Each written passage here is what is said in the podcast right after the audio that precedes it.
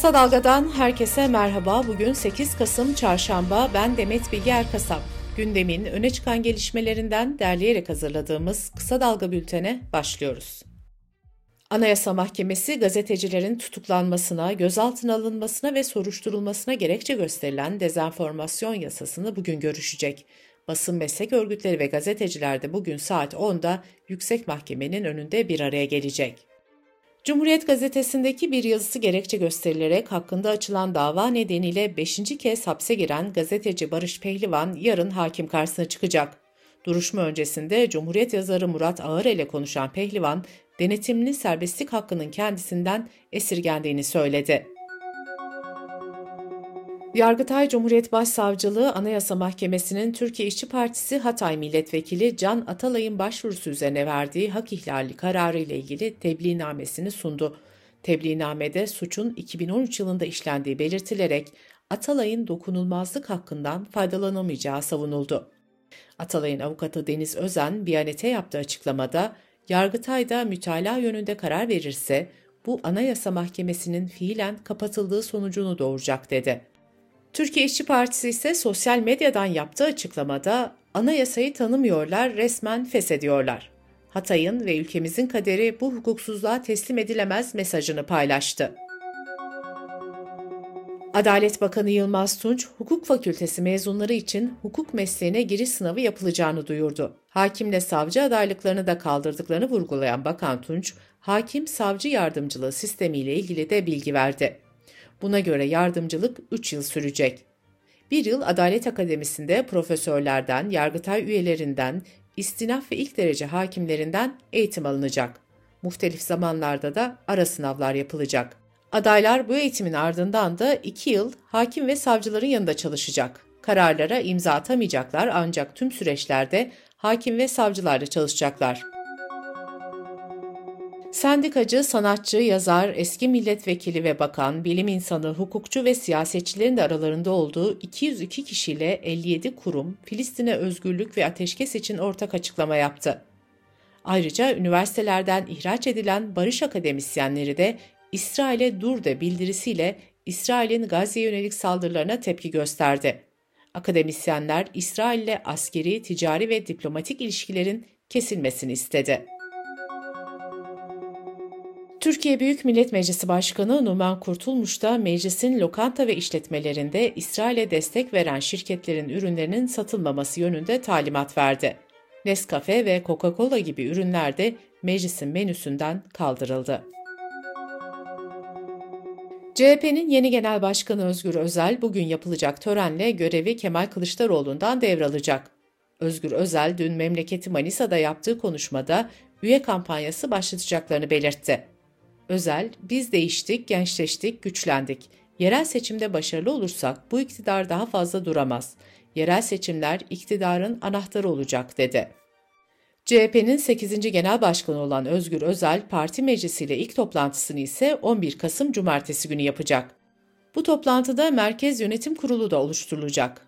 CHP Genel Başkanı Özgür Özel, Perşembe günü de deprem bölgesi Hatay'a gidecek. Eğitim İş Sendikası 24 Kasım Öğretmenler Günü'nde iş bırakma kararı aldı. Eğitim İş Antalya Şube Başkanı Sadık Acar, eğitim emekçileri geçinemiyor, haklarına kavuşamıyor, ailesinin ihtiyaçlarını gideremiyor dedi. Türk Eğitim Sen Ankara Şube Başkanı Ali Toprak da 24 Kasım'da öğretmenlere beyaz önlük hediye edecek olan Milli Eğitim Bakanlığı'na çağrıda bulundu. Toprak, beyaz önlük yerine ikramiye verilmesini önerdi. İçişleri Bakanı Ali Yerlikaya, 66 şehirde düzenlenen ruhsatsız silah ve silah kaçakçılığı suçlarına yönelik operasyonda 715 şüphelinin gözaltına alındığını açıkladı. Son 3 günde yapılan operasyonlarda 526 ruhsatsız tabanca, 35 kuru sıkı tabanca, 10 uzun namlulu tüfek ele geçirildi. Kasım ayının gelmesine rağmen hava sıcaklığı artmaya devam ediyor. Yurt genelinde sıcaklıklar mevsim normallerinin 6 ila 10 derece üzerinde seyredecek. Kısa Dalga Bülten'de sırada ekonomi haberleri var. Piyasalar dalgalı bir seyir izlerken Euro kuru dün 30.57 seviyesine çıkarak zirve yaptı. Amerikan Merkez Bankası Fed'in faiz artışlarında sona geldiği beklentisiyle Euro'nun dolar karşısına değer kazandığı yorumu yapılıyor. Fed geçen hafta faizleri sabit tutmuştu. AKP Adıyaman Milletvekili Resul Kurt, Sosyal Güvenlik Bakanlığı bütçesini görüşmeleri sırasında EYT'liler hakkında bilgi verdi. Buna göre emeklilikte yaşa takılanlar kapsamında bugüne kadar toplamda 1 milyon 632 bin kişi emekli oldu. Emekli EYT'lilerin 832 bini ise çalışmaya devam ediyor. Dış politika ve dünyadan gelişmelerle bültenimize devam ediyoruz. İsrail savaş uçakları Gazze yönelik saldırılarına devam ediyor. Gazze'deki Sağlık Bakanlığı 10 binden fazla kişinin İsrail saldırılarında öldürüldüğünü açıkladı. Öldürülen çocukların sayısı ise 4 bini geçmiş durumda. Gazze'deki hükümetin medya ofisi ise Gazze'de yaşayanların %70'inin yerlerinden edildiğini açıkladı. İsrail Başbakanı Netanyahu, Gazze'de askeri operasyonlara taktik kısa aralar verebileceklerini ancak ateşkes olmayacağını söyledi. Birleşmiş Milletler Filistinli sivillere yardım etmek için 1.2 milyar dolarlık insani yardım kampanyası başlattı. Birleşmiş Milletler Genel Sekreteri Guterres, Gazze'nin çocuklar için mezarlığa döndüğünü söyledi. Genel Sekreter Gazze'de kimsenin güvende olmadığını belirterek acil ateşkes çağrısı yaptı. Birleşmiş Milletler Güvenlik Konseyi'nin 6. toplantısından da yine sonuç çıkmadı. ABD'nin BM daimi temsilci yardımcısı Robert Wood, çatışmalara insani ara verilmesi konusunun gündeme geldiğini ancak farklı görüşleri olduğunu ve anlaşmaya varamadıklarını söyledi. Avrupa Birliği Konseyi Başkanı Charles Michel ise İsrail'in Avrupa Birliği'nin her zaman dost ve müttefiki olduğunu belirtti. İnsani ateşkes çağrısını yineleyen Michel, kalıcı barışın ancak iki devletli çözümlü olacağını söyledi. Ürdün, Gazze ya da Batı Şeria'da yaşayanların yerinden edilmesini kırmızı çizgi olarak nitelendirdi. Ürdün, böyle bir durumu savaş ilanı olarak göreceğini açıkladı. İran'da evin cezaevinde tutuklu bulunan Nobel Barış Ödülü sahibi insan hakları aktivisti Nergis Muhammed'i açlık grevine başladı. Cezaevinde kalp ve akciğer sorunları yaşadığı belirtilen Muhammed'in hastanede tedavi görmesi gerekiyor. Ancak cezaevi yönetimi tutukluların hastaneye sevki için başörtüyü zorunlu tutuyor. Bunu protesto eden Muhammed'i hastaneye sevk edilmiyor. Norveç Nobel Komitesi Muhammed'in durumundan endişe ediyoruz açıklaması yaptı. Almanya'da hükümetle eyaletler sığınmacı masraflarının nasıl paylaşılacağı konusunda uzlaştı. Deutsche Welle Türkçe'deki habere göre federal hükümet eyaletlere sığınmacı başına yılda 7500 euro kaynak aktaracak. Sığınmacılara verilen ödenekler azaltılacak.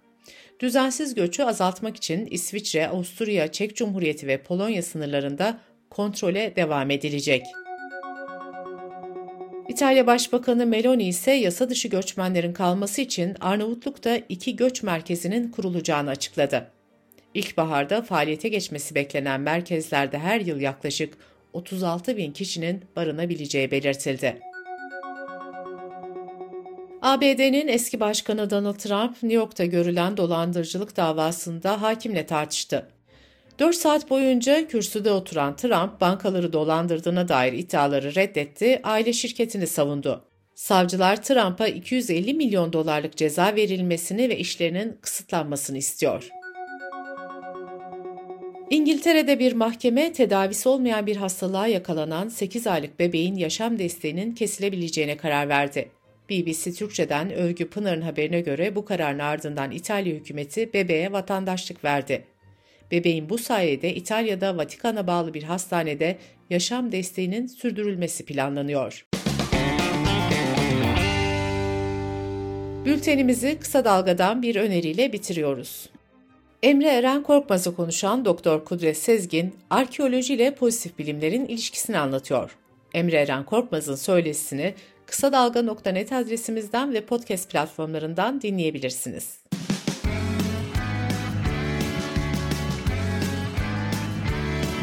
Kulağınız bizde olsun. Kısa Dalga Podcast.